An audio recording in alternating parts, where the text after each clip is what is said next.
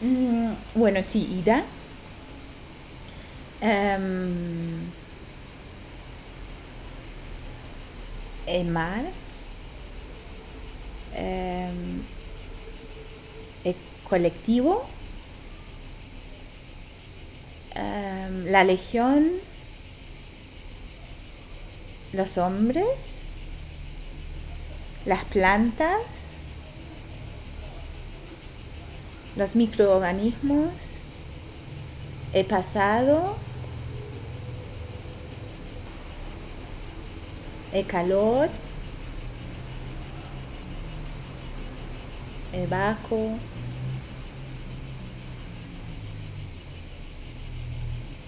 hasta que el desierto,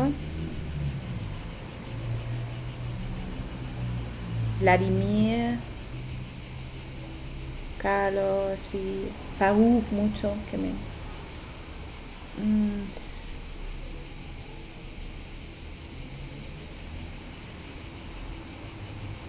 las uh, historias que cuentan, entonces uh, la uh, historia oral.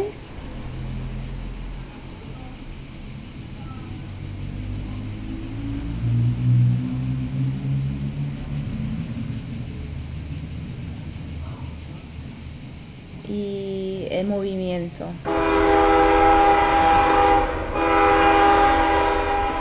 Esto es un viaje en tren al inicio del rodaje de la nueva película de Lena Whitman.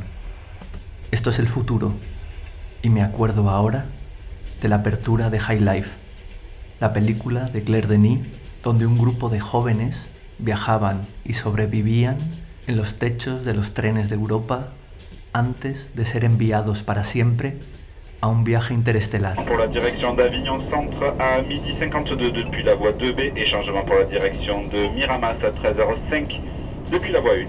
Tout l'équipage vous souhaite une très bonne journée. Nota 1. Claire Denis saldrá varias veces en esta grabación.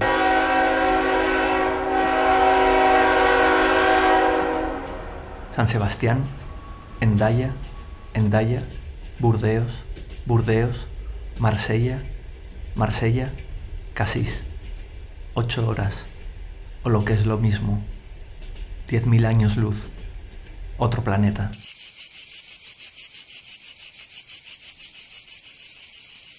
Nunca hasta ahora el futuro había estado tan cerca de una película a punto de filmarse. Y se nota que algo está a punto de suceder. En el brillo, en el nervio, en la concentración, en las palabras, en las dudas, en las certezas y en los movimientos, que son más rápidos, más precisos, más definitivos. Esto es una directora trabajando. Esto es una película a punto de filmarse. Esto es un viaje al centro de la Tierra.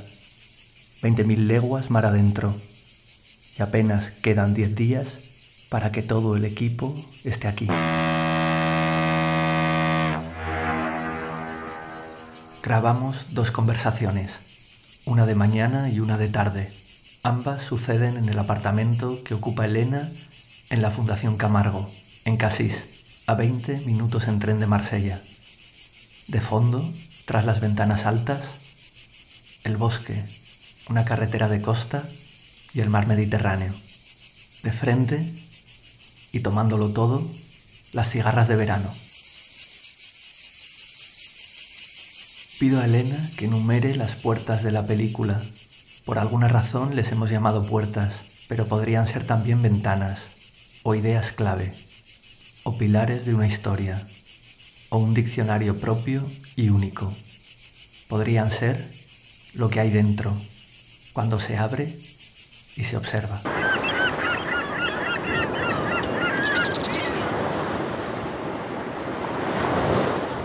El mar, el movimiento, las historias que cuentan, la historia oral. Faruk, Carlos, Vladimir, el desierto. Hasta aquí, el desierto. El barco, el calor, los paisajes, el pasado, los microorganismos, las plantas, los hombres, la legión, el colectivo, Ida, una primera imagen subacuática ¿Y quién es Ida? Ida, la, eh, la, protagonista, está nadando porque está mucho en el mar. Y la vemos desde abajo, bueno, eh, abajo del agua.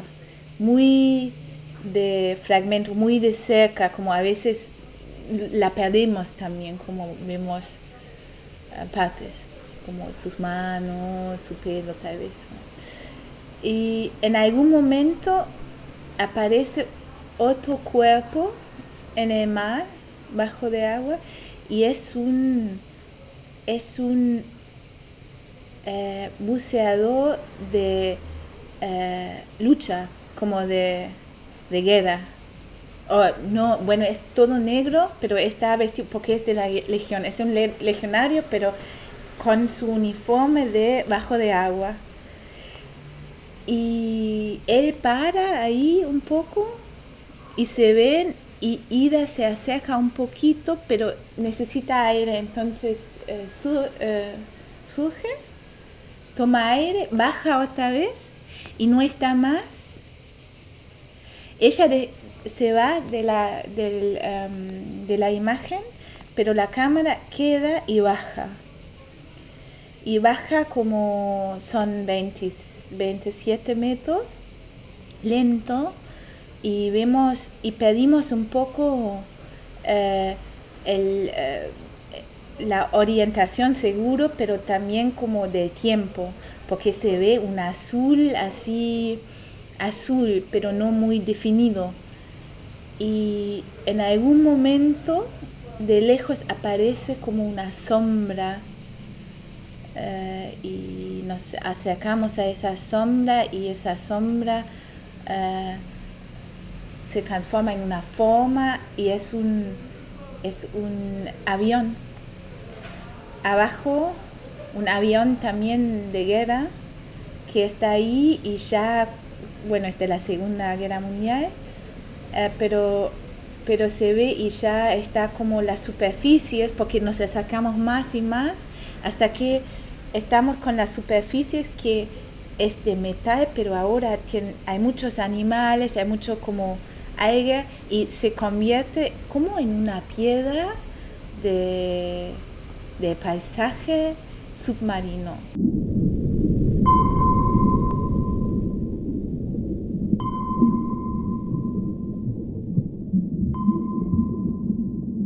Ida es una mujer de, decimos como 47 años, eh, esa edad sí es importante para mí porque es una edad especial para una mujer, que está como al límite un poco de estar, como, como lo determinan desde afuera, ¿no? Como ser joven y ser una señora, tal vez, bueno, falta un poco, pero, eh, pero igual ahí hay algo y se ve también eh, en la cara esa belleza, tota-, para mí es también como eh, la belleza de esa edad es muy especial. Es más bello que una joven. Una joven sí es linda, es como bonita, tal, tal, pero esa belleza, ahí sí hay algo que, que me interesa mucho. Bueno, también quería tener esa edad porque quería asegurar que esa mujer que, la encontramos en mi peli tomó una decisión fuerte, que no es, como dije, un viaje de como, ah, bueno, voy un verano o un año tal vez, sino no, aquí tenemos una mujer que también tomó una decisión tal vez en contra de una familia o dejó cosas atrás para permitirse este camino. Y yo creo que eso solamente funciona si es una eh, mujer más grande, pero tampoco demasiado grande, porque ahí también es como, es otra etapa de vida que, bueno. Em, eso, eso es la de la edad. Y después, para mí, Ida es muy permeable en el sentido eso es muy relacionado con Emma, también su personaje, esa permeabilidad de, eh, de lo fluido eh, pero de no es, es, suena paradójico, pero no lo es, creo. Es como si todo la entra y sale también de repente, eh, pero no, no necesariamente la afecta en un modo como psicológico, por ejemplo. Como que no causa, em, no es emotivo para actuar en, en cierta dirección. Eso es muy abierto. Entonces recibe, escucha mucho y toma sus decisiones muy fuertes, pero sin expectaciones demasiado grandes. Entonces creo que la única cosa que es importante para ella es que la gente que están más o menos cerca de ella lo aceptan así. Como pueden respetar eso de de no tener muchas expectativas y estar en el momento y bueno, seguir este camino. Y ella no siente la necesidad de revelar algo de su historia o su pasado. Yo creo, no es una persona del pasado, es una persona del momento, ni siquiera del futuro. Y eso a veces es muy difícil de comunicar. Aquí más tal vez sería más fácil en otros países, no sé, pero, em, pero a mí me, me, interesa porque a mí me, me, da mucha libertad también en escribir esa película o de inventar situaciones, escenas, porque es muy libre. De repente todo es posible. Bueno, si ella va a este lugar y intenta eso, hace eso, dice eso, es posible, porque es ella, que es así. Y no causa daño a, nadie, pero tampoco es inocente. La inocencia no me interesa tanto, no es eso. La primera vez que Elena me habló de esta película fue durante un paseo por las calles de Hamburgo, justo hace un verano. Aquel día caminamos hacia el puerto y cruzamos el túnel subterráneo del río Elba. Y fue allí, a casi 30 metros bajo tierra, con el río sobre nosotros, cuando Elena me habló de una nadadora, de una mujer observando una orilla y sus paisajes desde el interior del mar Mediterráneo. Esta es la historia de esa mujer misteriosa. Esta es la historia de una mujer que posee un barco, que vive en un barco, que convive con su tripulación y que viaja de un lado a otro, no por viajar, no como paréntesis, no como ocio, sino porque su vida es así. Entonces, en aquel viaje, todavía, la actriz no tenía nombre ahora sí lo tiene. La actriz que, em, que va a interpretar um, Ida es Angeliki Papulia, es una actriz griega em, muy... Bueno, no, bueno, es ella. Eh, había en, en, las, en muchas películas de Yorgos Lantimos, que tal vez como conocen algunos, y, y otros como Blas, o el último fue The Miracle of Zaragoza, sí. Ah, bueno, era en competición en Berlinal, creo, el año pasado. Y, y, pero Angeliki, bueno, es actriz, pero también es directora de teatro, viene de teatro, de una del, eh, de la escena independiente, se dice, sí. Em, y bueno, es, es bueno, ¿cómo, ¿cómo llegamos a ella? Yo, bueno, tuve esa, esa figura de Ida y con otros personajes de la película tuve como personas reales que existían, que inspiraron este papel. Eh, pero con Ida era distinto. Ida tenía esa idea de Ida que también un poco como... Em,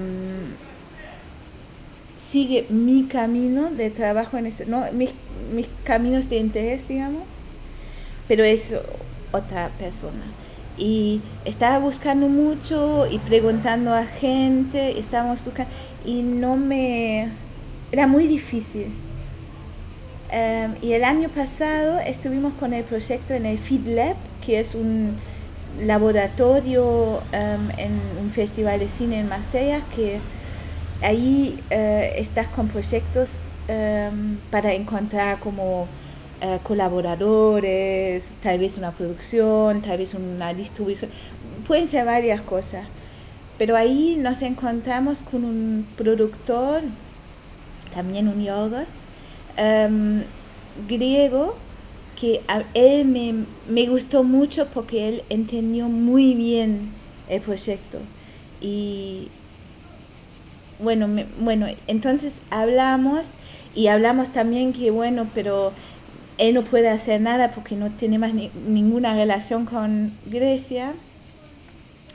Y nada, bueno, terminó, pero yo dije, ah, pero si, si tienes alguna idea o intuición para, para la ida, para una actriz, o no, no, es, no tiene que ser una actriz, puede ser también una cantante o un bailar, una bailarín o algo así.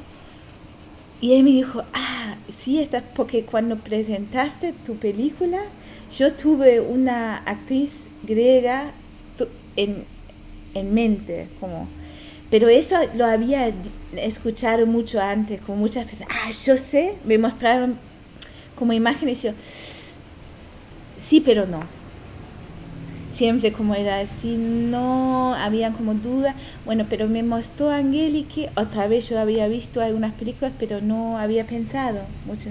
Y me dijo como, ay, sí, puede ser. Como de repente, ah, e-, era como después de mucho tiempo, sí, puede ser. Y entonces yo lo dejé como procesar, como trabajar en mi, mi mente y una semana después le escribí si me podía mandar el contacto de ella, que me, me gustaría como encontrarla, tal vez, o ver si le, le podría interesar. Y entonces le escribí a ella directamente y ya sabía de Yogos, del proyecto, y nos encontramos en Suiza, porque ella tenía una obra de teatro ahí en Lucerne como directora, y eh, y sí, nos encontramos y fue un encuentro de estos que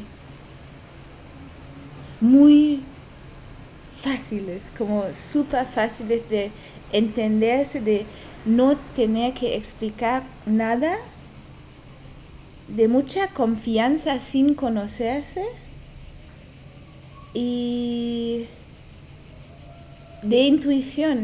No probamos nada, no leímos nada, hablamos de películas, de lo que nos interesa, lo que no. Le dije un poco cómo trabajo, porque es también particular, cómo hago también la cámara y esas cosas. Pero todo eso le gustó y, y seguimos con esto. Y al final sí, se quedó con el proyecto que para mí es un es un lujo también, ¿no? Que poder em, trabajar con alguien tan sensible, eh, pero con tanta experiencia también, que yo no la tengo eh, con los actores, pero me ayuda mucho, como saber que ella sabe. Y sí, creo que sí, estoy muy feliz con eso.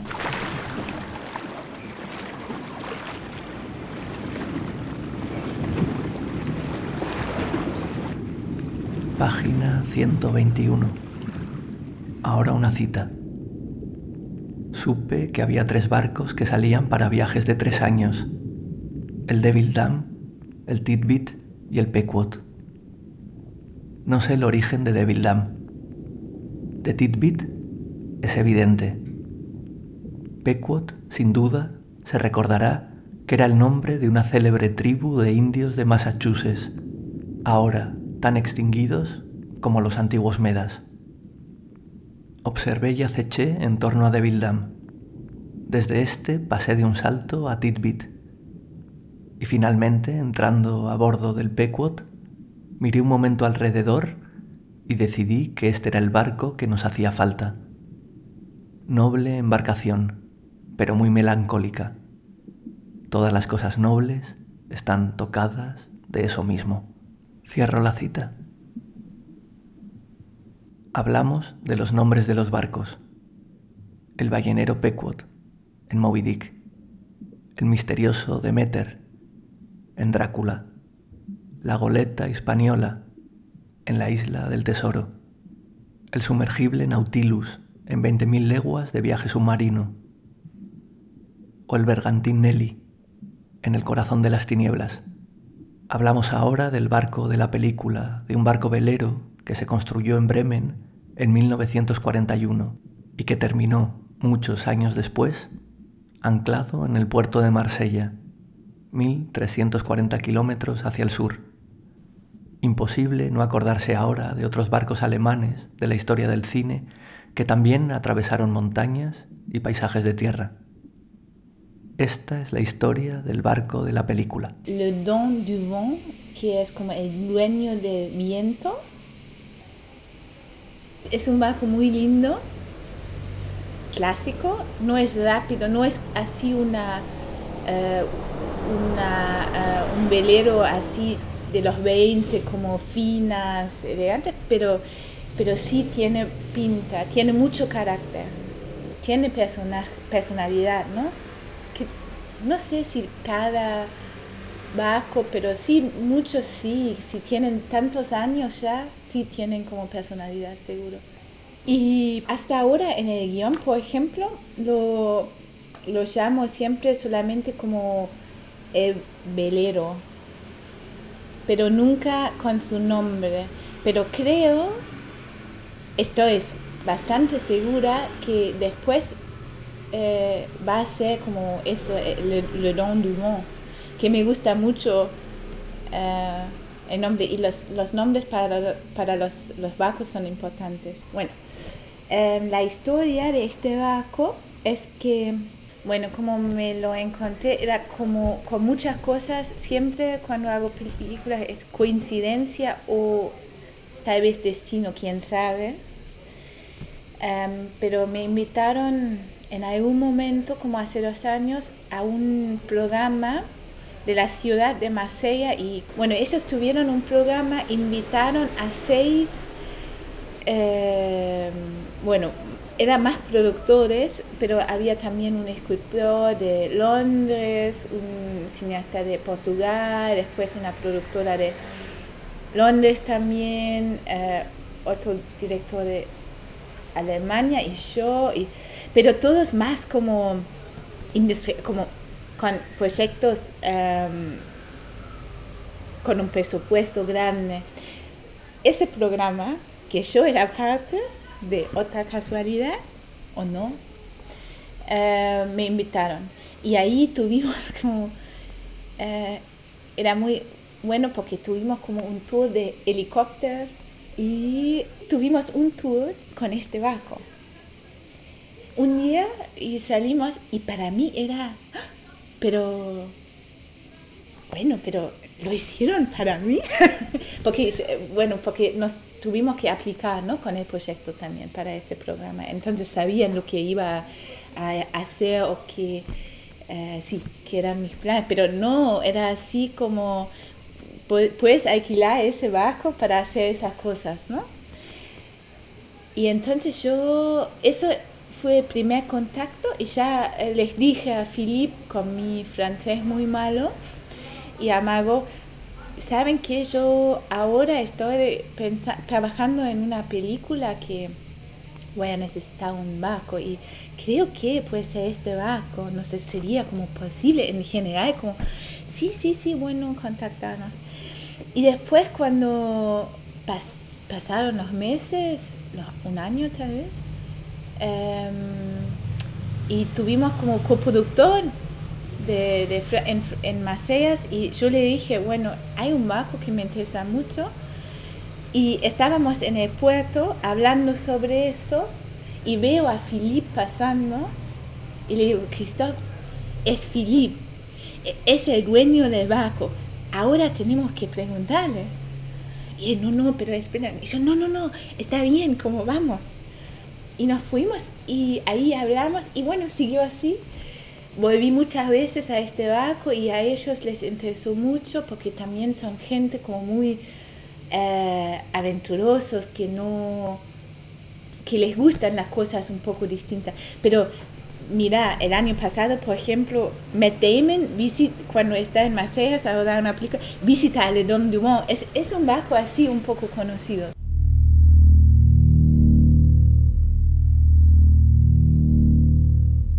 Drift, su película anterior, Elena Whitman atravesó el Océano Atlántico mientras filmaba. Ahora ha cambiado de mar, pero seguimos hablando de un barco casa que contiene a un grupo que contiene los personajes y la historia que va a ser filmada. Pienso ahora en películas como si fueran tatuajes. Después del primer tatuaje llega el segundo. Después del segundo llegará el tercero. Esto es el origen de la historia. Esto es otra cita de un libro.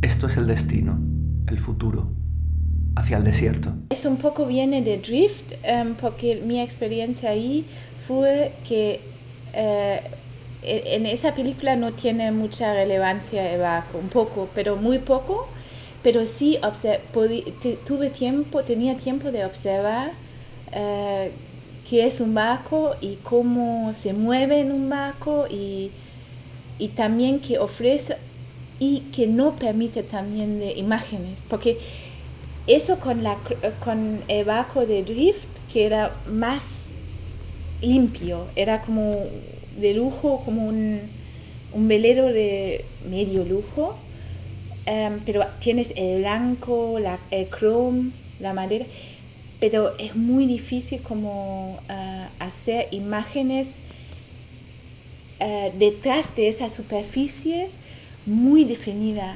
marítima, y no me, por eso no hice muchas imágenes ahí, porque no me intenté, pero no funcionó muy bien. Pero sí sabía, ah, pero en un bajo en sí, en general, sí, eso sí me interesa, pero hay que encontrar eh, un personaje, tal vez que tiene más edad, no sé, ahora.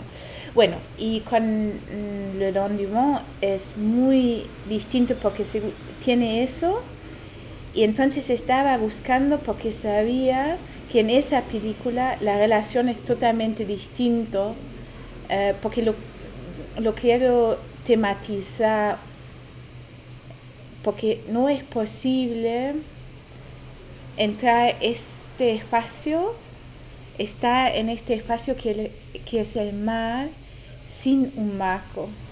Y entonces pensar un poco, bueno, que qué tipo de, de barco será y si me imagino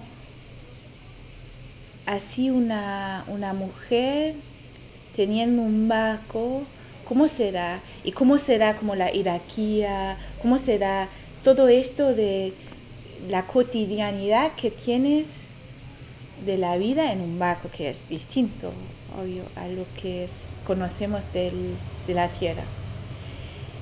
Y, y también era inspirado eso también de un libro. Um, mi película toma un camino muy distinto, pero, pero hay sí esto de bajo que me gustó de uh, Marguerite uh, Duras.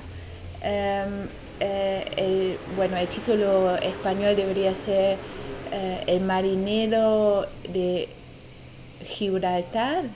Y ahí hay, es una mujer una, de Estados estadounidense, eh, Ana se llama, y ella vive en un barco que no es un, velero en este libro, es un como todo, pero grande y tiene esa, también un poco esa configuración, está con su equipo, con hombres y tal.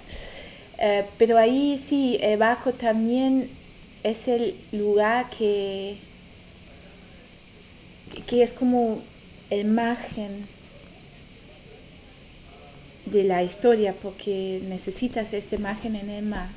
porque el agua es agresivo también. Entonces como todo el rato tienes que trabajar para que para mantener este lugar que te cuida, pero hay que cuidarlo también. Entonces es siempre como un dar y recibir. Eso también me gusta mucho, ¿no? Y automáticamente si eh, cuidas un lugar, entras en una relación.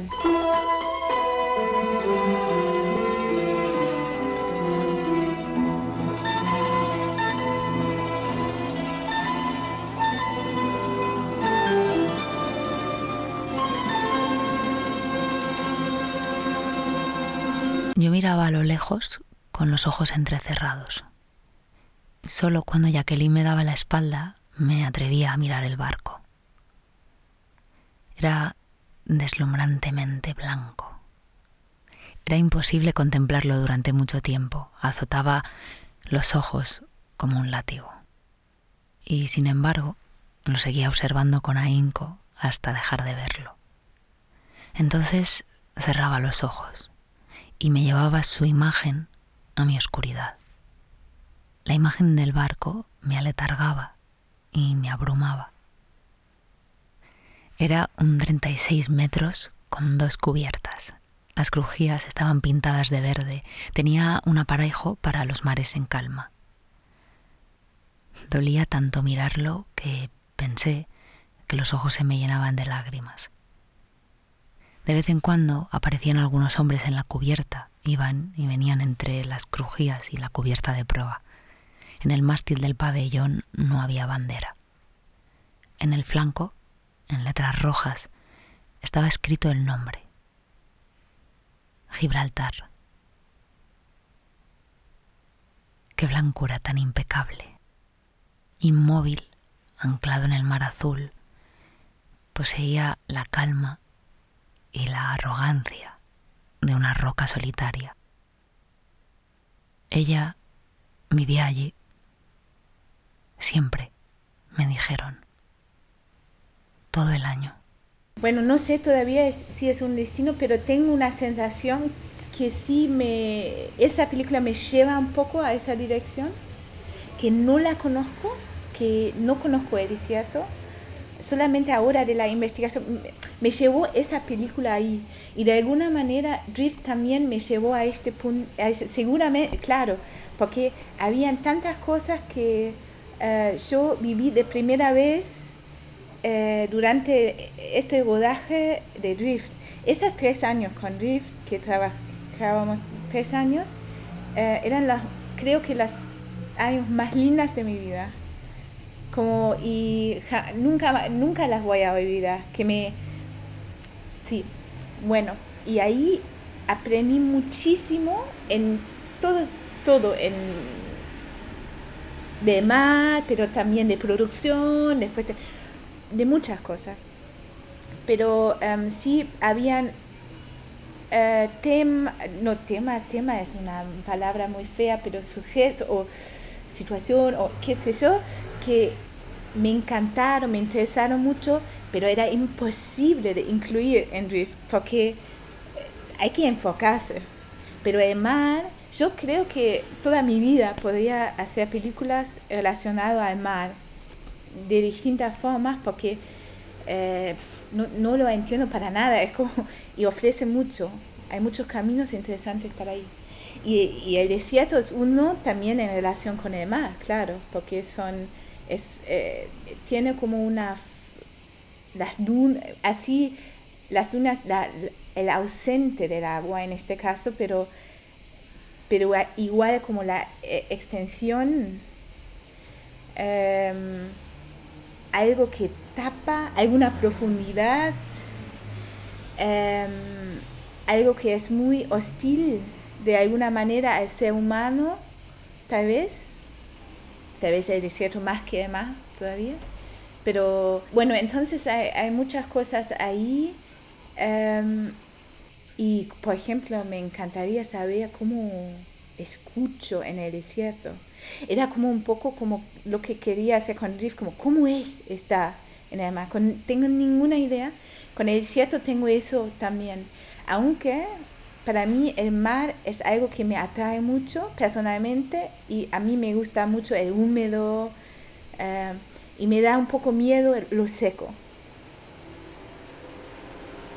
Pero bueno, es, es eso también siempre son desafíos y puede ser que me lleva a este, pero es, es algo que no está planeado y nunca era como, ah, funcionó muy bien en el barco y con el mar con drift y por eso lo hago.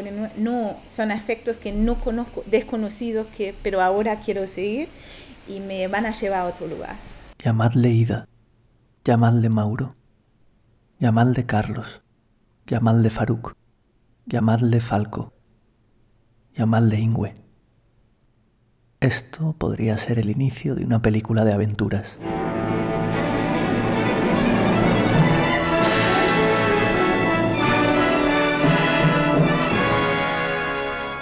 Un inicio que recuerda a esas novelas gráficas de adolescencia que presentaban en sus primeras páginas a todos los personajes del libro y sus características.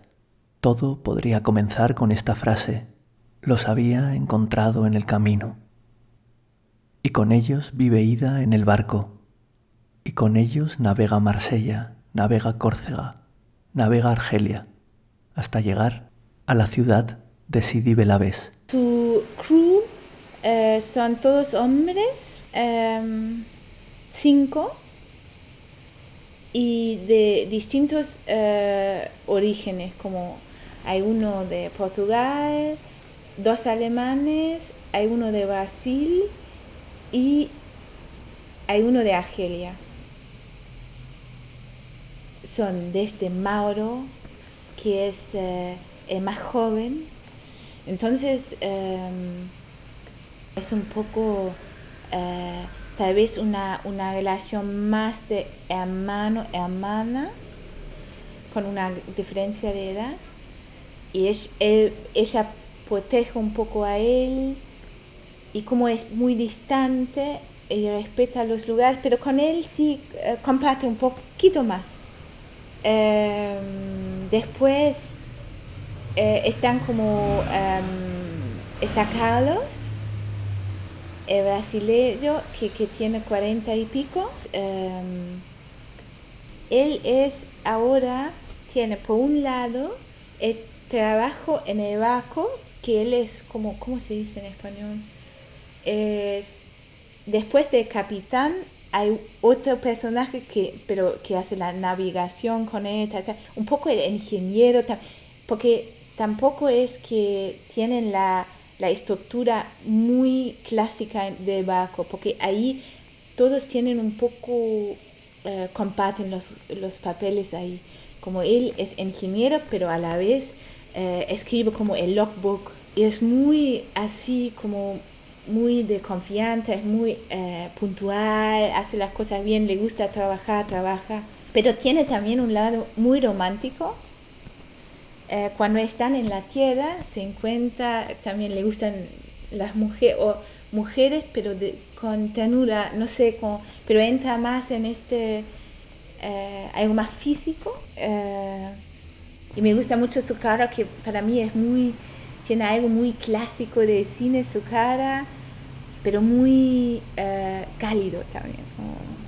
sí, bueno, eso es Carlos. Después tenemos Farouk el de Argelia, y, él es como más parecido a Ida, tal vez como más misterioso, más observador y escéptico. Él em, trae una, perspectiva un poco más desde afuera dentro de, de este grupo. Sí y es triste, es también, pero no de, pero no pesado, digamos. Sí, es cierto que es un personaje súper inteligente que ve, entiende muy rápido todo, todas las situaciones, la, la gente es muy empático, pero lo mantiene para él. Y él está mucho con Falco, un alemán que no, eh, que, que, que él es como no es un gran papel, pero lo vemos ahí porque él es sabe cómo eh, navegar y sabe esas cosas, entonces me interesa como ver a algunas personas también que saben lo que hacen, porque me gusta como esa rutina, eh, esa confianza, ¿no? Con, el trabajo siempre, con cualquier trabajo, pero en este caso con el bajo pero también que hace, por ejemplo, él y Farouk nunca, se, nunca los vemos hablar, pero se miran a veces, o más Farouk que mira a Falco. Falco es, eh, duerme, tiene mucho cansancio en, en, la tierra, siempre cuando están con, y es más entusiasmado en, en, en, el mar. Como se despierta un poco más ahí, es como en los, sus sueños, no sé. Y, juegan Go ellos dos en el barco. Bueno, no, no, no digo más de ellos. Eh, y después está Ingo, el capitán, que es un capitán de verdad. Eh, y también era el capitán de barco de drift. Entonces entró muy temprano a la película porque eh, antes de tener la, Le Don Dumont, yo le pregunté, ¿tienes ganas de hacer otra película? Como, y ayudarme a encontrar un barco y tal, tal. Y él dijo, sí, vamos. Pero no es nada de cine, no tiene nada que ver con todo eso. Él es el que menos tiene que ver con todo eso. Es como, y es más frágil. Entonces, pero, pero también es su figura un poco. Le va a proteger su rutina y su profesionalidad de saber lo que hace con el barco. Y es justamente lo que escribí para él, es esto. Yo creo que se quedan unos años y se van, bien otros. Entonces también no es una familia así para siempre, pero sí, para unos años están ahí, ¿no? Con ella. Es una relación eh, también como ambigua, eh, porque sí viven juntos, comparten las cosas, la comida, tal, tal, pero a la vez Ida paga a ellos. Y, y porque eso, y también porque no hay otra mujer dentro de este grupo, fue una decisión mía, porque cambiará todo. Porque yo creo que quería un equilibrio de poderes también y si veo una mujer que es dueña y paga a la gente, sí puede balancear lo masculino. Y eso me, interesa también, que, que están, que la clase, los géneros, que todo eso entra en un eh, estado más como equilibrado. Es cierto que esa película es una aventura utopista también, ¿no? Después la vemos que, no sé, vamos a ver, no, sabemos todavía, no existe todavía, pero, eh, pero para mí sí, y, ya el proceso de hacerla es seguramente una aventura. Y la llamo así, la aventura nuestra, como empezamos la aventura, que no, no lo hago con todas las películas, no, nunca son, no siempre son, son, pero no como esa, ¿no? Porque sí, es más salvaje.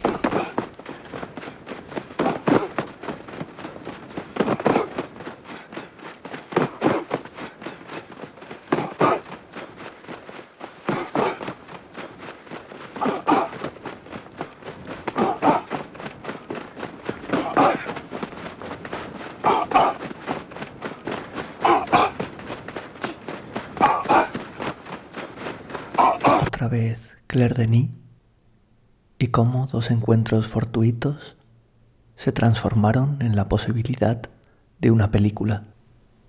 Esto es la Legión extranjera. Para empezar, tal vez realmente con la primera em, impresión que, que, tuve con la Legión, que era en Marseille, en Marsella, que ahí no es un regimiento, es un, es un centro de recreación. Entonces cuando están como eh, dañados o cuando tienen un trauma o a veces también de vacaciones, porque no entiendo muy bien cuándo y cómo tienen vacaciones, pero a veces sí, em, pueden ir ahí, a este lugar lindo como, ¿no? Con vista de mar. Eh, pero básico también, también es, es una caserna adentro, es como, es, muy básico todo. Em, bueno, pero yo la primera vez que visité a Maceias, un amigo me guió a este lugar, pero más para mostrarme la costa ahí. Pero eh, nos pasaron dos hombres y me llamaron la atención estos hombres porque me em, no sé, yo les miraba porque tuvieron unos cuerpos muy em, fuertes, como muy entrenados, y, pero yo busqué su mirada y no me respondieron para nada. Y eso es raro en todos lugares, pero más así en Francia. Em, más aquí, que siempre hay una conexión. y después, bueno, y pregunté a mi amigo, ¿quién, ¿quiénes son? Son raros. Y, ah, me dijo, son legionarios. Y, ah, y no sabía nada de legionarios. A partir de y de Clarini, conocí la película y, pero entendí también después eh, más como de la película también o de quiénes son, porque cuando vi Botavay eran como soldados para mí, no necesariamente la legión extranjera que sí es un cuerpo particular, em, eh, pero eso ahora sí entiendo. Bueno, y bueno, eso me llamó la atención y me, me quedo con, esa sensación, con esa imagen y bueno, y como siempre es cuando te interesa algo, em, te llega, ¿no? El tema, o ves más. Como entonces había, y había una vez, eh, volviendo de Maceias, dos años después o algo, en Frankfurt. Era, ay sí, ay sí, eso era un encuentro importante también. Bueno, yo siempre viajo en tren entonces, y tengo eh, conexión, el cambio en Frankfurt. Y ahí tengo una hora. Y salí para fumar con Teresa y viene un hombre eh, borracho, pero con una físicamente muy raro también, como muy flaco, pero con músculos, con tuvo eh, cicatrices, dos, y eh, le, le, faltó como un diente y tenía mucha energía. bueno, no se acercó y preguntó por un cigarrillo. Y le dimos, así le amamos y le dimos y de repente él era como, no, pero qué amables que son. Y nos preguntó si éramos francesas. Muy raro. Y Teresa dijo por jugar que sí. Y, él dijo, ah, sí, porque nunca había matado a ningún para Alemania, pero para Francia sí. Y nosotras como, bueno, está loco, no, no sabíamos muy bien, pero y empiezo, no, él está aquí porque quiere preguntar a la policía si ellos tienen algún registro de él, de la gente que había matado a él. Porque le, que le pone loca, que le vuelve loca eso no saber si alguien sepa y a veces tiene miedo. Ahí empezó a contar como muy de confuso, como de que tenga miedo de que algún día alguien le puede matar y no quiere morir, que quiere vivir y que sí mataba, pero como...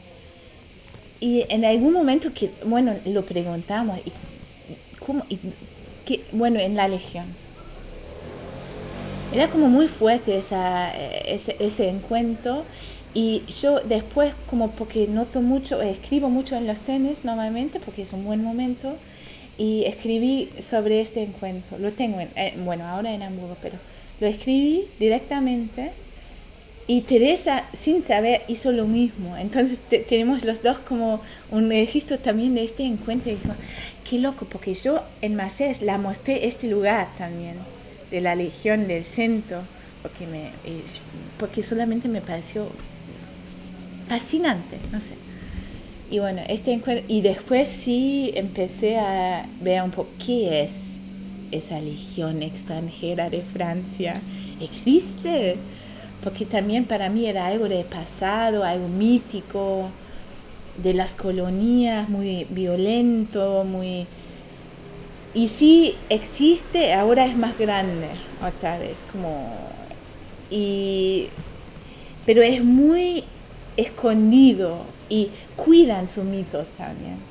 Es una estrategia de ellos. Tienen un museo en Albania, puedes ir y ahí en este museo la, la expresión es muy mala porque cuentan una historia totalmente subjetiva. Es como de contar su eh, egoísmo.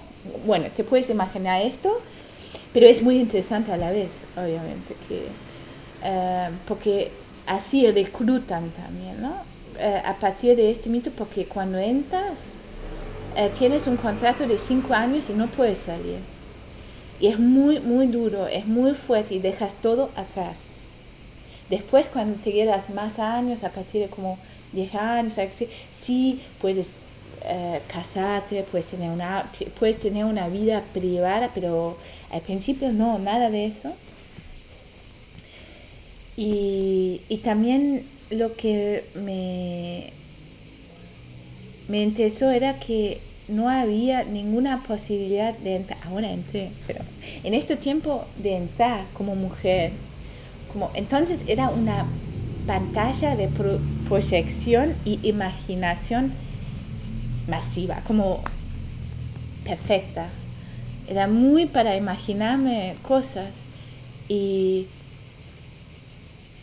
y creo que por ahí empecé y me gustó eso de que una mujer del agua, de la, como del lado de agua, porque esa es la perspectiva que cambia, porque la ida, la primera vez que ve ese centro, ella está nadando, entonces ve eso del agua, algo muy fluido y ve algo muy así estable, reglamentado, como em, y estos cuerpos masculinos y, y ve eso y se empieza y empieza a observar y nosotros en esa película observamos con ella. Pero sí y entramos en este el plano que describí, describí eh, también un poco en este está o no está, porque eso también me di cuenta que el militar en general, la guerra en general en Europa está muy absente, ausente, no se ve. Sabemos que existe, sabemos que está, pero no, no es muy concreta. Y aquí con, con estos um, por ejemplo en Calvi donde vamos, sí se ve detrás de como um, fans, como de está todo encerrado, pero sí se puede ver, a veces ves a algunos cuerpos ahí en el paisaje entrenando y esa cosa sí se ve, pero es muy abstracto, es muy efímero y es, pero cuenta de una realidad muy uh, fuerte también para mí. Y eso es, creo que me interesa a mí y a Ida.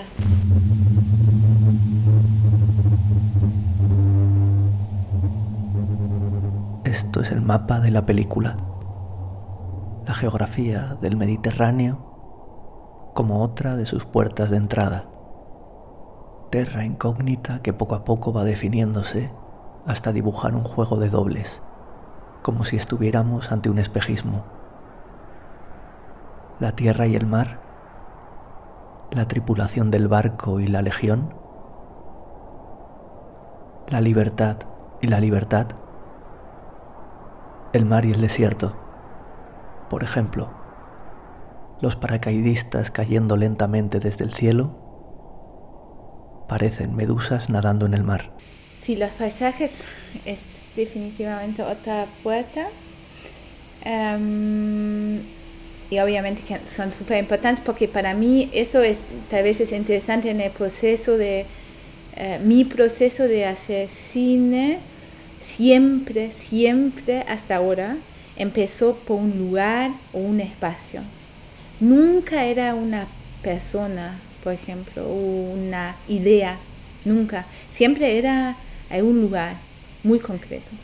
Em, Sí, entonces eh, todos los lugares que aparecen, hasta Argelia es la eh, excepción, eh, todos los lugares los descubrí sin buscar un lugar para el. Tampoco, por ejemplo, en Calvi, en, en, en Corsica, lo encontré así como vi, ah, aquí están también.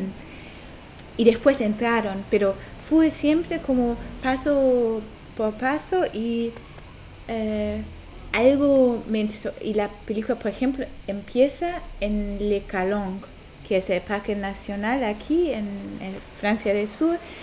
Es parte de Marsella.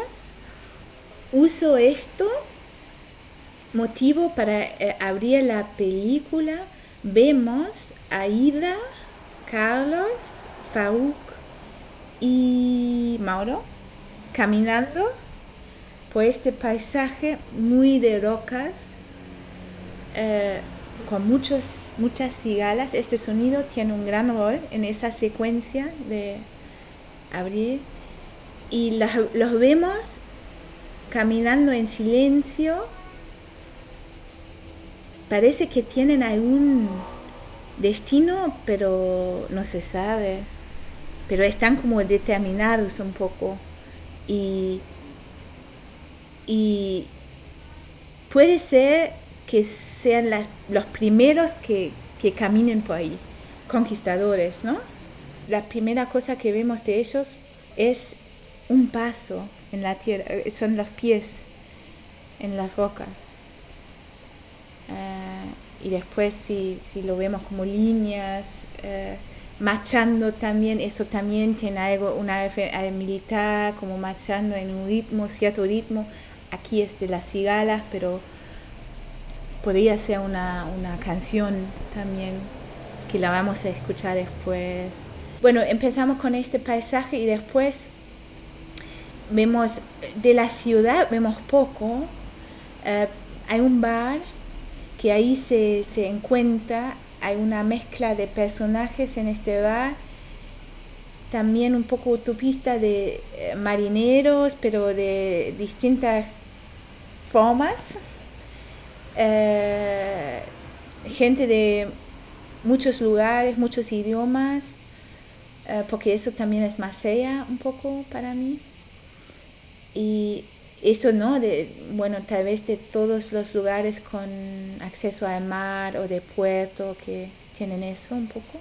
Y se ve en, un mercado, después se ve otro en Caribe. Son lugares para mí también como que marcan un poco también el Mediterráneo, los productos que se ve, que se come, pero después vive, después como... Bueno, eso Después en Corsica, bueno, tenemos el mar, obviamente, pero esa vez mar más como materia, que en Drift, en Drift era más como organismo, como, como superficie, como eso de movimiento, de espacio como, sí, más espacial, ahora es más material, tal vez.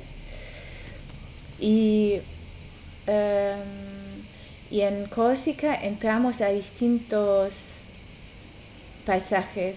Emma otra vez, el aire, porque vemos los parachutistas, que también tiene, por ejemplo, una, una referencia a las medusas en Emma, hay unas medusas en Esas cosas aparecen. Bueno, también tenemos como este que, que hablé, este avión bajo de agua, pero tenemos estos en el aire, después tenemos una eh, tenemos un bosque eh, muy en las montañas. Ahí justamente lo que hace la Legión ahí, porque están ahí en Córcega, después de la Segunda Guerra Mundial, cuando se tenían que ir también, bueno, se fueron antes de la independencia de Argelia, pero eh, cuando se tenían que ir, se, instalaron ahí un regimiento en, en Córcega, porque tienes todo, tienes las montañas, tienes como eh, la maqui, tienes como el mar y tienes el aire para entrenar, porque ellos son como combatantes, ¿no? De, y entonces conocen muy bien estos paisajes. Y mis personajes también están un poco por ahí y se mezclan. Y después van a Argelia, que por primera vez eh, aparece en la película porque una camarera, camarera en este bar que conoce a Ida ya, le da unos postales viejas de Siri Belavés, que es una ciudad en Argelia que construyó, que formó la Legión. Era como un lugar muy pequeño, pero se instalaron ahí y era como el centro, eh, la base de la Legión por 130 años, hasta que, bueno, ganó independencia Argelia, se tenían que ir, obvio, pero todavía se ve, ¿no? En, las, eh, en la arquitectura, en toda la estructura de la ciudad es militar y es colonista y, y es como también eh, está dentro, no es por la costa, porque Argelia, como la mayoría es gigante este país, pero la mayoría vive por la costa, Siri vez está en este eh, cinturón, pero ya cerca al desierto, más cerca al desierto.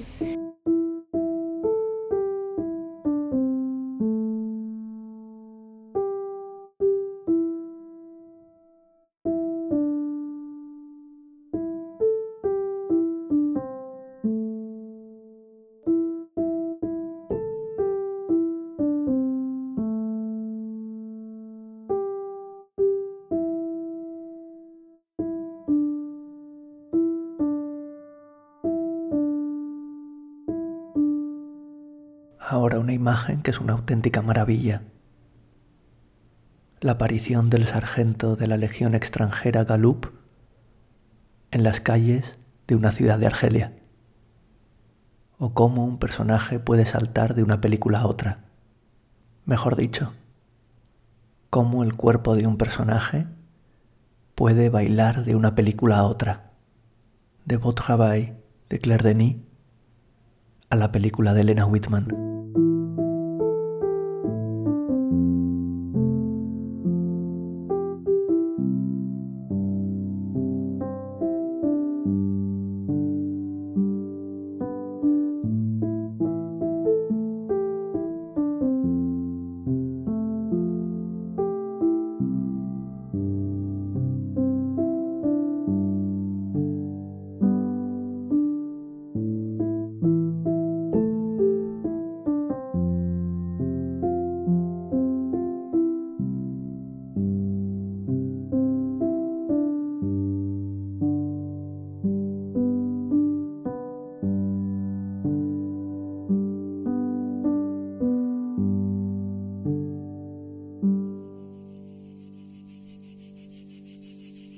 Denis Lavon, obviamente, que, pero él va a aparecer en Argelia, entonces lo tenemos que, bueno, no va a ser ahora, eh, lo queríamos hacer en septiembre, pero como dije, no es posible, pero él, él era, porque por este rol que tenía en Beau Travail de Clareny, para mí era claro que, bueno, hay una figura, un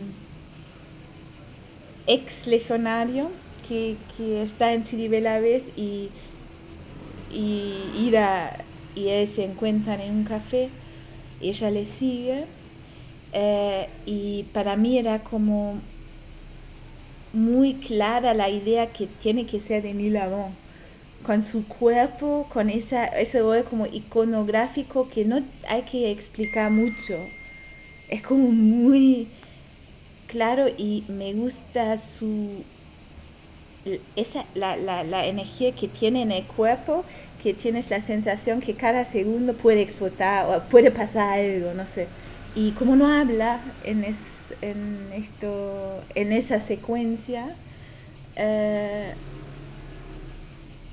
sí, bueno, ese. Y también después pensar, ah, qué, qué bueno imaginarme ellos dos, como Angélica y Denis, juntos, caminando por una ciudad desconocida de Argelia. No sé, me encanta bastante. Esto es un intermedio. Elena me cuenta que en la radio alemana hay un programa de entrevistas que puede durar dos, tres o incluso cuatro horas y que incluye comidas, sobremesas y tardes sin prisa de charla entre amigos. El futuro aspira a algo así y bromeamos con la posibilidad de imitar ese formato.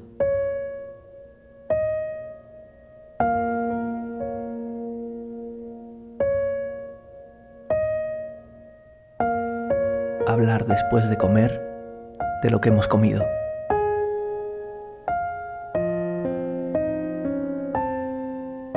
El bloque 2 llegará por la tarde. Ahora una pausa musical para recordar el día en el que compartí con Elena el visionado en el cine de una película musical de aventuras y de espías. Eh, el almuerzo. El almuerzo rico, me ha parecido rico, las verduras, bien. bien, el pescado, las patatas, el postre muy rico, considero. Ah, Me ha mm. gustado bastante, ¿eh? Sí, a mí también, con este caramel. Sí, el caramel. con sal. Sí, como que tenía también el pastel un poco, esa crema rica. Sí, pero dentro, pero no demasiado, no porque demasiado. si no me gusta si es... Pero tenía como muy bien puesta, muy bien hecha, muy perfecto. Y así termina el podcast de hoy. Chao. habla- Este es el fin de la segunda parte. y que termine así. ¿no? Sí. Au revoir. Es como, no, es que Elena me contó unos podcasts en Alemania que que hacen cosas raras, entonces ya está. La segunda parte era hablar de la comida y ya está.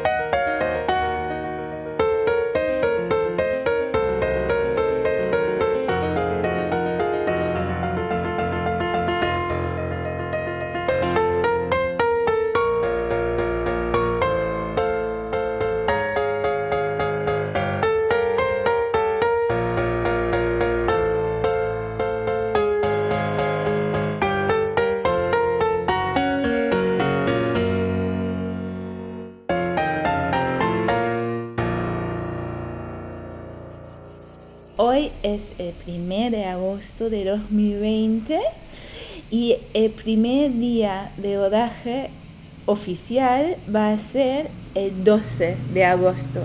Entonces estamos para empezar.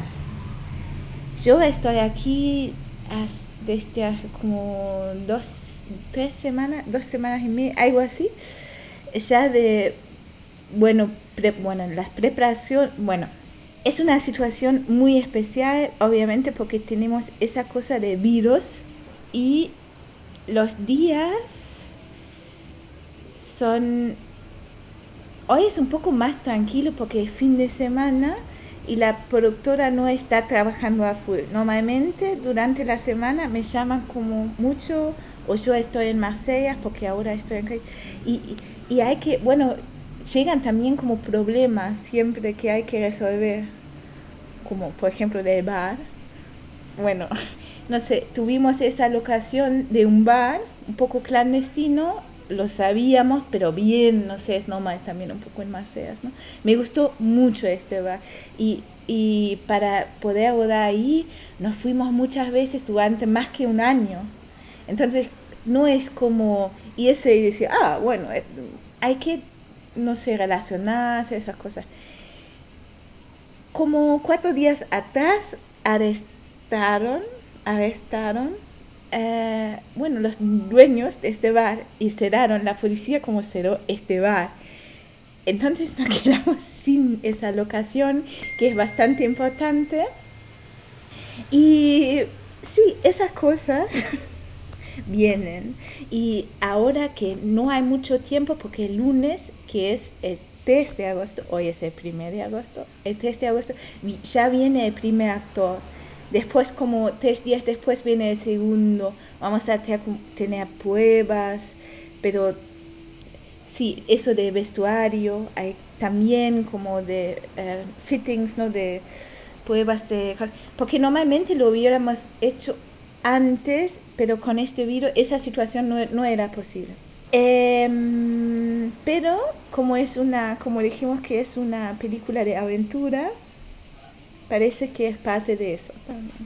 Vienen esas cosas y las tomamos como una onda y encontramos ahí una solución, un camino. Y hoy por la noche vamos a ir a un bar que durante el día me gustó mucho como locación, ahora hay que ver cómo es de noche y después también cambiar un poco la escena para este lugar, eso también, pero para eso hay que pensar muy bien, hay que concentrarse mucho. Entonces son estos los cambios, como algo muy rápido, pero después no olvidarte de lo que es, como la, la sustancia, ¿no? Eso creo, para mí a veces es difícil eh, y hay que recordarse como Sí, así estamos. Esa misma tarde vamos en coche a Marsella a visitar la nueva localización, el Exporting Club Cognis, en el barrio de Bompard, frente al mar. Nos atiende Eric Demec, presidente del club. Esto es ver a Elena trabajando en directo, mientras su equipo de producción habla de necesidades de rodaje con el dueño Elena hace fotografías analógicas de la localización. Pide por favor que enciendan las luces de la piscina interior, que las apaguen, que dejen solo las que iluminan la pared de roca natural de la piscina. Después se sienta a la mesa y atiende a Eric, que nos cuenta que fue su madre la que cuidó del jardín de rocas y plantas tropicales que ocupa uno de los lados de la piscina. Es curioso ese lugar y me recuerda a esas casas de cristal en las que los astronautas viven y entrenan antes de salir hacia el futuro. Esta es la historia de Eric. No tiene nada que ver con la película de Elena. O sí, quien haya visto trabajar a Elena en sus películas sabe que es una directora que atiende, observa y atiende, pregunta y atiende. Una de esas directoras a las que la gente le cuenta sus historias. Eric fue jugador de waterpolo eso sucedió hace muchos años, en blanco y negro, en los 60. Ahora está algo mayor, aunque mantiene su porte. Eric cuenta que de joven solo entrenaba, todo el rato. Nunca salió de fiesta, nunca se emborrachó, nunca aprendió a bailar. Cero ritmo, dice, y sonríe. Siguió la vida, tuvo una hija, se separó dos veces, o tres, pues recuerda una historia reciente que tampoco ha salido bien. Es muy difícil conocer a alguien si no sabes bailar, dice, y cuenta cómo son esas noches. Yo voy ahí, dice. Todos tenemos ya una edad, dice. Al principio les hago gracia, dice, y vuelve a hacer el gesto con la mano. Cero, cero ritmo, cero baile, cero oído musical. Ni bailar, ni cantar. Soy un desastre. Y vuelve a sonreír. Nado bien, eso sí, muy bien. Es lo único que he sabido hacer bien. Elena hace otra foto del grupo. Nada de todo esto saldrá en la película, pero es importante. Forma también parte de hacer cine, saber estar ahí, tomar notas en un tren, imaginar posibles películas, pedir que enciendan y apaguen las luces. Es ya de noche. Hemos visto la puesta de sol sobre la isla de If, con el castillo recortándose al fondo. Esto ha sido ver a Elena trabajando. Hablamos ahora de su doble rol durante los rodajes. Dirige, sí, pero también hace la dirección de fotografía y la cámara. Bueno, para mí es eso, es muy natural, no, es nada que pienso realmente, porque sucedió así, empecé a hacer como películas y siempre hice la cámara yo para mis películas, porque es para mí es más que el trabajo con los actores, eso es más, eh, para mí más difícil, más, más nuevo y no, no siento que tengo tanta experiencia con eso, pero con las imágenes, sí, es como, es mi camino hacia una película, la verdad, con el sonido también como imagen, pero eso es una, una cosa para mí, las imágenes es, realmente como también para pensar en una imagen muchas veces ya eh, con el sonido es ahí Em, desarrolla. Y una vez no hice la cámara en, un cortometraje mío y lo, eh, lo hizo muy bien ella, pero, pero me faltó no, y me di cuenta que era más eh, difícil para mí como comunicar eh, y también me faltó esa intimidad que tengo cuando yo veo con la cámara para mí es un momento muy íntimo. Me relaciono, es como si estoy más cerca a la situación o a, la, a las personas o a las personas que veo. Es como un poco tocarlos. realmente es como algo muy físico para mí. Y tengo, es un gusto, ¿eh? Para mí es como, eh, sí, es, sí, es táctil. Y es la narración también para mí. Es como...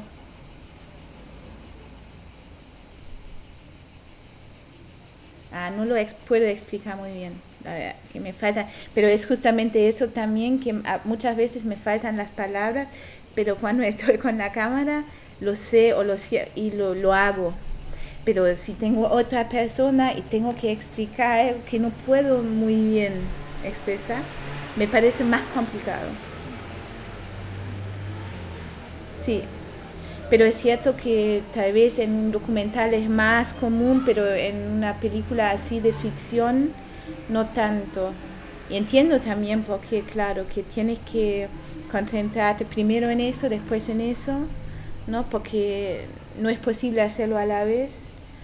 Pero yo lo que hago muchas veces es primero ver la situación, entenderlo decidí una imagen, trabajar con los actores y filmar. Suenan mensajes en el teléfono de Elena.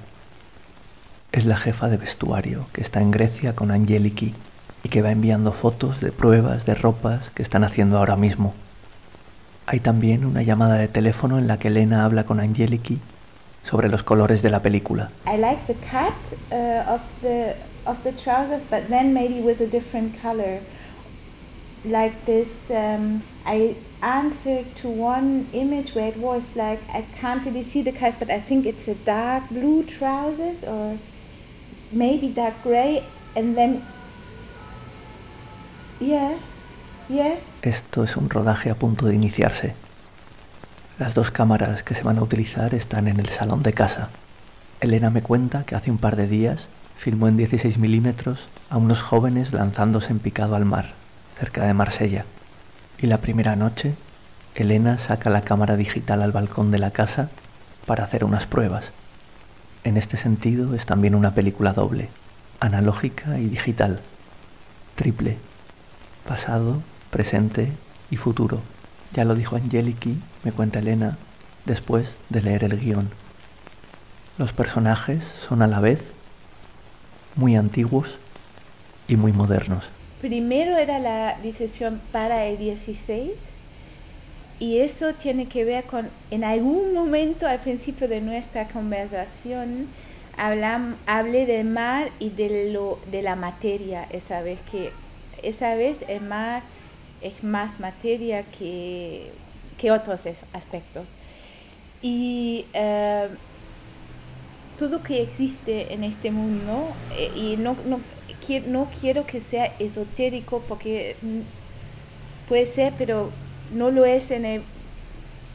Creo que es muy materialista de alguna manera. Bueno, estamos y, y, más con el mar, que el mar contiene todas las informaciones de la vida de este planeta en forma de género, eh, de genes, de eh, sustancias, microorganismos, todas esas cosas, y que pueden um, olas también, no sé, olas de, olas de sonido, olas de luz, olas pero que, que entran en nuestro entonces en esa en esa película los cuerpos no están como eh, cuerpos limit, eh, con claras límites tal vez está todo más mezclado como otra vez este ejemplo del avión dentro del mar. No sé, y de tiempos también de historia que se ve como huellas de algo. Y se puede leer, como se puede leer lo que vemos, lo que escuchamos y nos da informaciones sobre mucho, creo que es un poco eso. Y, y entonces sí, eso me interesó y para mí a partir de eso era claro que bueno, tiene que ser película porque es un proceso químico. Y lo de y video es un proceso numérico, es como, bueno, sí, de, lengua al final, eh, que también me interesa, pero es otro proceso. Pero eso de química, porque en alguna parte quiero también como que participen como bacterias en la, eh, que van a comer un poco de, de la película, de la material, y en este camino como se inscriben en las imágenes. Pues. Hay cosas así también, pero ahí vamos ya lejos, pero sí, se va a ver. Eh, y lo digital, bueno, eso primero yo pensaba hacer todo en 16 y después vi una película que me gustó Fausto de Andrea Guzmán y ahí pasó algo que eh, hay muchas tomas de noche y me gustaron mucho. Y había algo, se ve que es 16, pero también sé que es imposible, que era imposible porque había tanta luz y yo sé que, bueno, lo máximo que tienes ahora para comprar son 500 asa y no llegas a esto. Y entonces ah, qué linda irritación esa, cómo lo hicieron. Entonces buscaba como entrevistas, no la conozco personalmente, pero no sé, escribimos una vez. Bueno, igual vi y, ahí em, dijo que, lo firmó digital y después como em, lo trasladaron al 16. Y no es el efecto que me pero sí es algo que ves que te que hace algo con tu percepción, un shift, un como esa la irritación, algo pero muy lindo. Y empecé a pensar, ah, eh, tal vez podríamos hacer eso, que también te eh, abre otras puertas, necesitas menos luz, porque yo tengo muchas escenas de noche, es más caro al final de que filmarlo todo en 16 directamente, eso no sabía tampoco, pero es así. Pero pero me pareció como muy lindo. Y también eso que es una película que em, contiene muchos tiempos. Una de las noches, después de cenar, hablamos de cómo había sido el viaje transatlántico de su primera película. Yo le hice dos preguntas. Si en ese viaje para rodar Drift había visto algo fuera de lo común en medio del océano y si había conocido la vertical. La vertical es esa sensación que invade a los que se bañan en alta mar cuando son conscientes de que hay un abismo de más de 8.000 metros bajo sus cuerpos. Una especie de vértigo, pero al revés. Elena me dijo que no se había atrevido a bañarse en mitad del mar, que las olas eran demasiado grandes, que temía saltar y perder de vista el barco. Sobre la otra pregunta, recordó que una noche, tras varios días avanzando en alta mar, Mientras descansaban en sus camarotes, alguien de la tripulación les pidió que subieran a cubierta. A lo lejos, en el horizonte, vieron flotar una luz rojiza. El capitán no supo interpretar aquello, pero dijo que no tenía nada que ver ni con las tormentas ni con los cargueros. Era una especie de masa volante sobre el mar. Me dice Elena que no tuvieron miedo que aquel reflejo apareció y desapareció, que después volvieron a sus camarotes, dudando de si realmente habían visto lo que acababan de ver. Anoto, así como para el que viaja en tren, es inevitable tomar notas sobre el paisaje y la saudade, para quien viaja en barco es inevitable el relato oral. Elena me habla del guion de la película, ahora que sus apuntes sobre el papel están a punto de convertirse en otra cosa. Empezamos con esto, con el guion y con las escenas que, están escritas y intentamos, intentamos a, sí, a ir paso por paso eh, con eso. Eh, y los, las es, es como eh, ensayos, sí. Em, bueno, una cosa Em, estaba pensando mucho si quiero em, compartir el guion con los actores, sí o no. Y entiendo muy bien mucha gente que no lo hacen, pero en este caso, en mi caso, que hace es tan poco de las personas que me yo pensaba que me va a ayudar que la gente sepa el universo y poder relacionarse y también como inventar tal vez cosas y, y entonces sí compartir con todos este guion. Y me encanta leerlo con los actores. Eso es como me gusta muchísimo. Me doy cuenta que dos veces que lloré un poco porque me, me, me, emocionó mucho de repente unas palabras cuando se cuando una voz había una voz, un cuerpo y otra forma de decir las cosas, ya la transformación que, que, está, que es ahí, que me, parece como súper bonito. Entonces sí, no, me encanta.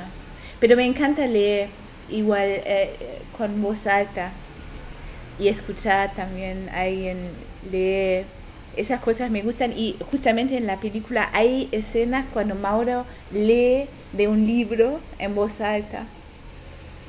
Sí, me, me parece un gesto súper generoso y lindo.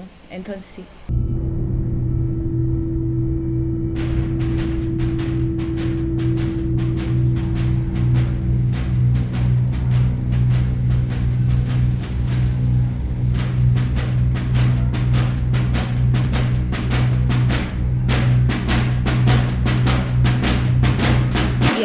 Estoy con Lucrecia Mate, es muy importante el sonido. Y no sé, yo estoy ahora, eh, yo escribo ya en el guion. Después, obviamente que lo vamos a trabajar, pero ya tiene como eh, relevancia, no sé, por ejemplo, ahora es inglés. In the distance, one hears the surf of a sea that is hitting cliffs. The result is a rhythm that covers a wide space. Slowly, the sounds of careful footsteps approach. A small stone rolls down the rocks. Or the sounds of the cicadas is loud and demanding, embracing the group from all sides. Their pace automatically adapts to this rhythm. They don't talk to each other. One hears how Ingo releases Falco from the night shift. The handover takes place with few words. The men speak quietly and in German. Their voices weave into the other sounds and become part of the sound composition. And the sound composition um, uh, era de la escena anterior que es uh, there are deep droning sounds vibrating through the entire hull uh, como el cuerpo and many smaller noises that can hardly be assigned.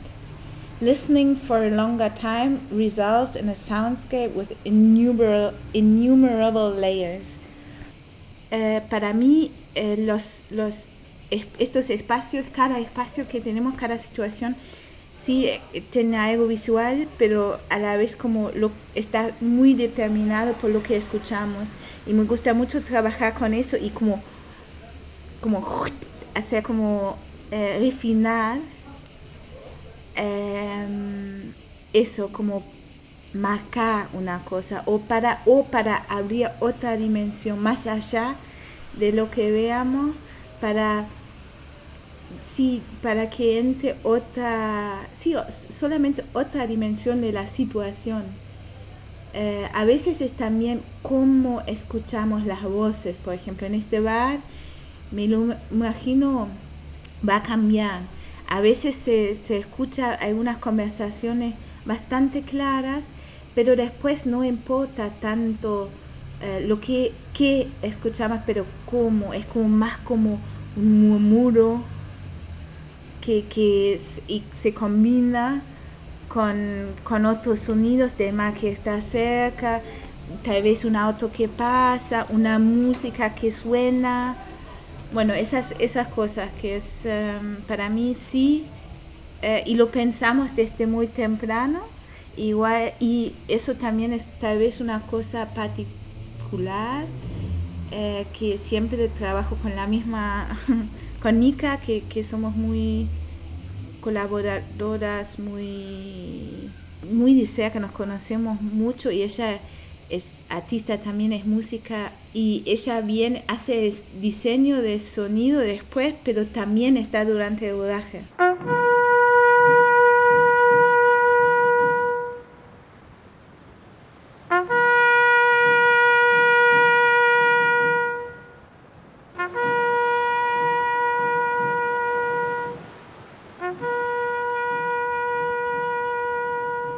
Tres momentos con música en la película. Por ahora, em, uno es em, una canción de la Legión, que es un coro de hombres, que, porque ellos tienen todo un canon de muchos, eh, muchas canciones y eh, los usan para marchar. Y los textos son rarísimos porque parecen como de otra época, pero todavía lo usan y, es una tradición, una tradición. En la película lo escuchamos de como desde lejos y no está ahí, es como es una es un momento más de la imaginación,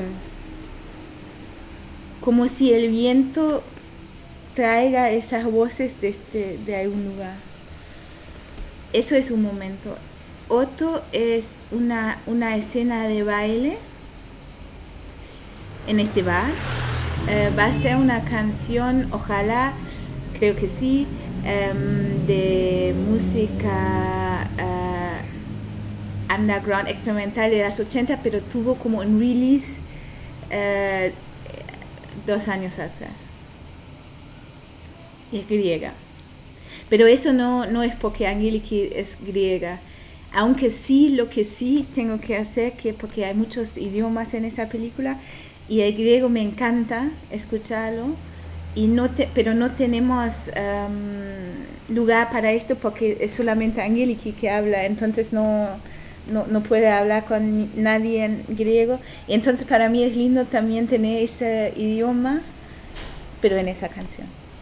Y después em, hay un chifle de Denis Lavon al final. Bueno, hay un silbido porque ellos están como caminando por esa ciudad y se ve como esa arquitectura rara, esos motivos de los postales que vimos antes, pero las vemos ahora. Y, y en algún momento él eh, empieza a, a silbar también otra canción de la Legión eh, que se llama Adieu, adieu. Al viaje me he traído un solo libro. Se titula Plano Americano y es una recopilación de retratos de artistas escrito por la argentina Leila Guerriero. Por el título uno podría pensar que es un manual de cine. Y de alguna forma lo es, pues Guerriero me sorprende una y otra vez con la estructura de sus textos. Esto es un ejercicio puro y magistral de arquitectura y de montaje. Cómo comenzar un texto, desde dónde observar, cómo terminarlo. Es fácil hacer un símil cómo comenzar una película, dónde poner la cámara, cómo terminar la historia. He aprendido más con Guerriero que con muchos de los manuales que he leído en mi vida sobre escritura o sobre cine. La sorpresa es constante.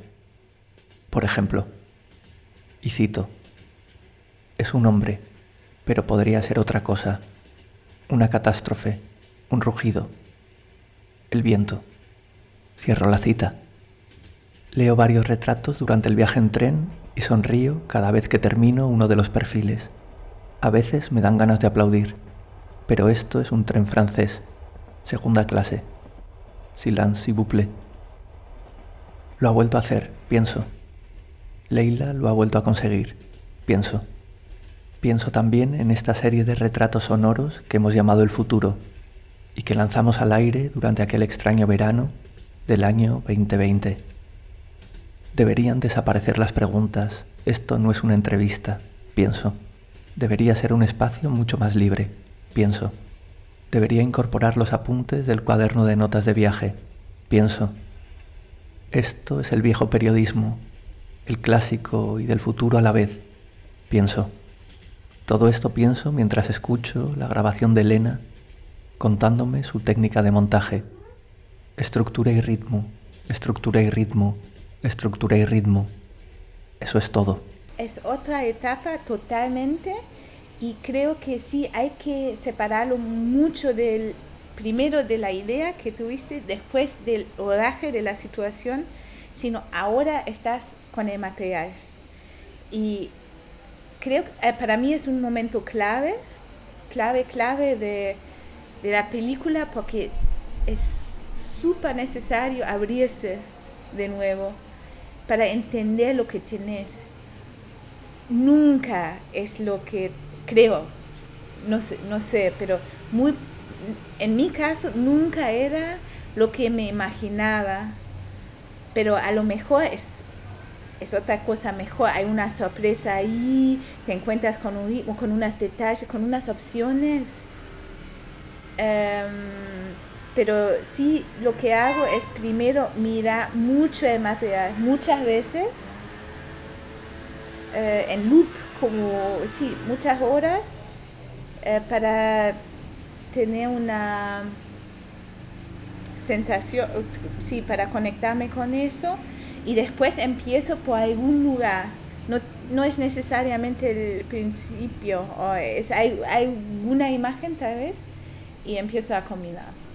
Y hablamos de eso también, de que era, mm, lo hago mucho en silencio, entonces sin sonido, em, para entender el ritmo, porque para mí ya una imagen, como tiene tanto el sonido, lo puedo escuchar igual, no necesito el sonido. Es distinto, claro, cuando habla, cuando hay diálogo es, es otra cosa, eso es cierto. Pero sin diálogo, Em, em, no, no lo hago uh. Eso viene después. Este verano, sin casi festivales de cine, hubo una noticia del Festival de Cine de Locarno en la que anunciaban una sección llamada Las películas de después de mañana. Se trataba de apoyar con un premio en metálico a proyectos que estuvieran en proceso de filmación. En esa selección de 10 había nombres muy grandes, como el de Lucrecia Martel, Lisandro Alonso, Juan Bin, Lav Díaz o Miguel Gómez. También estaba el proyecto de Elena. Esto es hablar de producción. Esto es hablar de laboratorios de cine. Esto es preguntarse por cómo se hacen las películas. La película pone las reglas y como tenemos películas tan diferentes, tan distintas, yo creo que tienen necesidades muy distintas también. Y para mí entonces es no pensar, bueno, una película se hace así, o en una película por sí eh, hay como dos asistentes de cámara, hay tal, tal, tal em, persona, o no, sino es que bueno, en esa película vamos a filmar en Marsella, por ejemplo. Em, y yo no soy de aquí. Vengo de Alemania, vuelvo mucho, pero voy a necesitar a alguien que muy cerca de la producción que me ayuda a encontrar los caminos en esa ciudad para que podamos filmar en este lugar, por ejemplo bueno, ¿cómo lo hacemos? ¿Qué necesitamos? ¿Qué? Y, y al final, ¿cuesta? Y si cuesta, ¿cuánto? Bueno, calculamos esto, entonces. Y seguimos con él. Necesitamos este barco. ¿Cómo hacemos? ¿Cómo podemos lograr? No podemos pagar el precio real para este barco porque es muy caro. No, no podemos saber, lo sabemos, pero aquí eh, les interesa a los dueños participar en este proyecto, hasta qué punto que tenemos que pagar sí o sí y qué es como si, si tenemos más plata te podemos dar más, pero está bien si tenemos menos también pagar menos. Es un poco eso como jugar ¿no? con esto y lo mismo con el equipo, como dije, que sí ahora me doy cuenta como porque hay más actores, sí quiero tener una asistente de dirección, pero no es que necesito un asistente de dirección, tal vez, vamos a ver, que, lo había hecho mil veces, aunque me encanta cuando la gente sepa y trabaja profesionalmente, como dije antes, tiene una belleza también eso, como, y me gusta. Pero yo, como soy yo, como persona, necesito a alguien de mucha confianza, por ejemplo, y que, nos, que conoce muy bien cómo trabajo yo, cómo también funciono yo con la gente y que me puede soportar y también como que, que se, sea diferente de mí también, que, que puede tomar otro rol, que sé que, bueno, en no, no soy muy bien en eso, pero esa persona sí está bien en eso, me puede ayudar y nos completa, completamos en eso. Eh, y lo mismo con el asistente de cámara y tal. Y ahí vamos y mucha, creo que en ese caso, por ejemplo, personas toman muchos papeles a la vez para que podamos como mantener esa intimidad y eso también que yo no me veo manejando un equipo súper grande y no hay necesidad, creo, en este caso, justamente. Pero eso no quiere decir que siempre sea así o con otras personas sea así. Siempre es diferente, pero sí, yo creo que empezar y a veces ayuda mucho sobre simplificar también. Si tienes una idea, pero también pregunta, ¿lo puedo manejar? Y, o, lo, ¿qué necesito para, para cumplir eso? Y si no, a mí me gusta más como improvisar y encontrar otros caminos que como forzar una situación o buscar años para tener esa plata. Eso no me apetece mucho.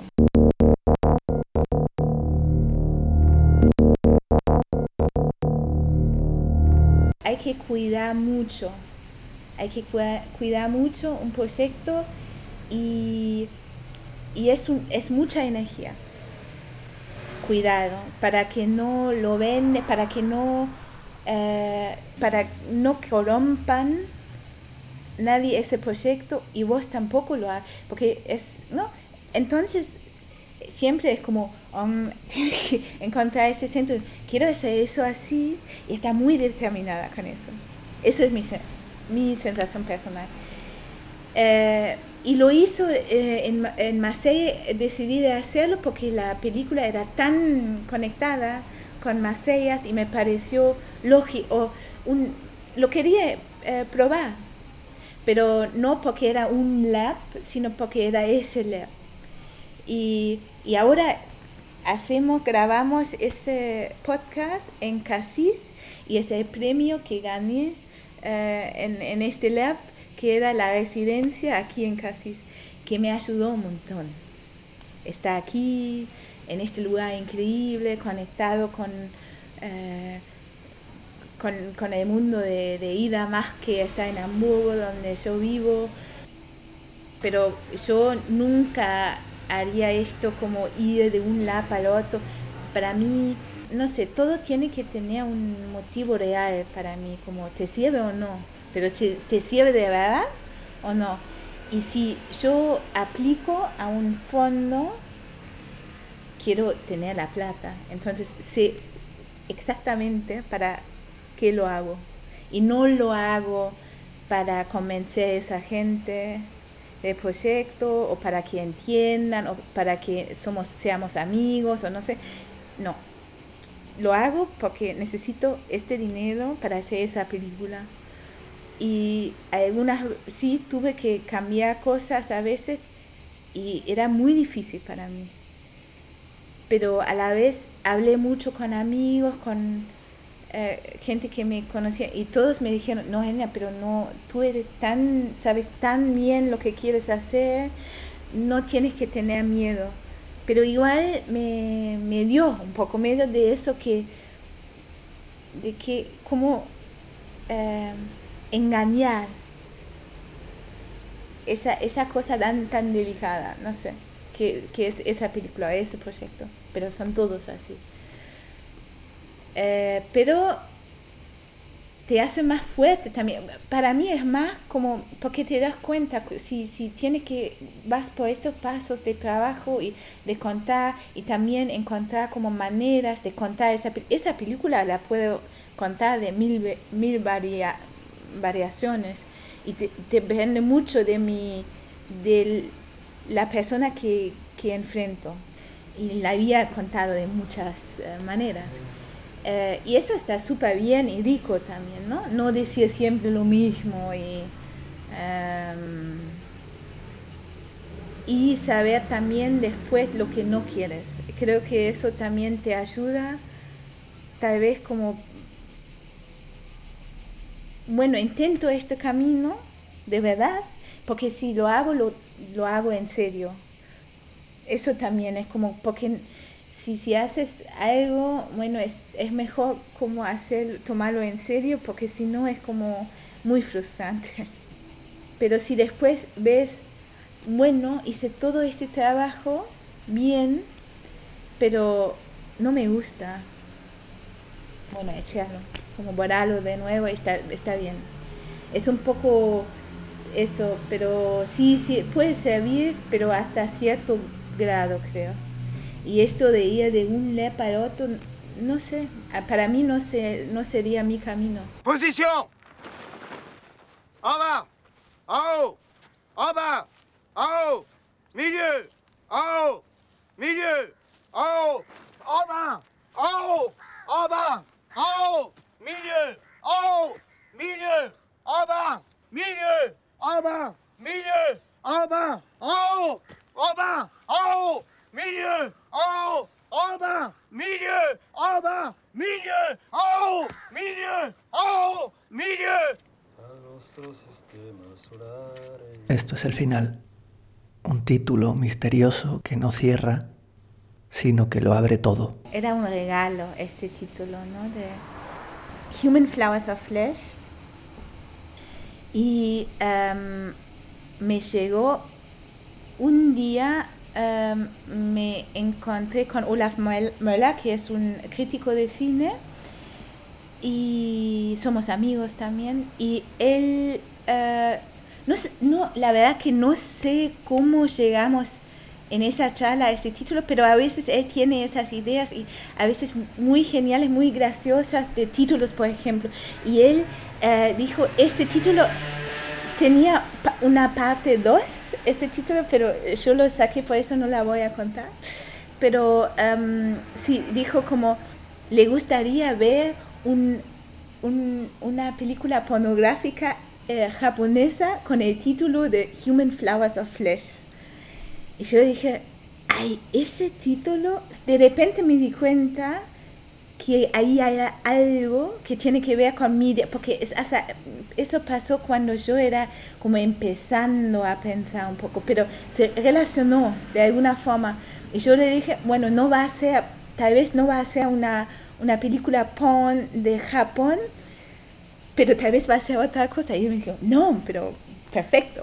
Y quedé con este, este título y yo también me pregunté muchas veces qué es lo, que hace ese título tan fuerte y creo que es la pregunta, que, que, hay muchas preguntas dentro de eso, porque tenemos, porque hay tal vez una idea de que tal vez es flesh y un human sea lo mismo, pero no lo es, te das cuenta que no lo es.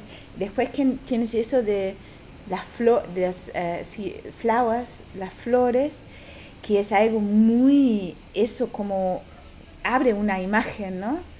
Y es algo muy poético tal vez, pero es como algo también de em, frágil y a la vez potente, no sé. Veo también colores, veo como muchas cosas en eso, pero esa pregunta entre qué es como human flowers ya, ya empieza a abrirse, pero o flesh es muy complejo y eso me gusta, que ojalá que no pueda, porque en el momento cuando yo pueda responder esa pregunta, ya no es el título que estoy buscando, creo. Pero todavía no lo puedo. Tengo ideas, tengo como algo, pero no está cerrado.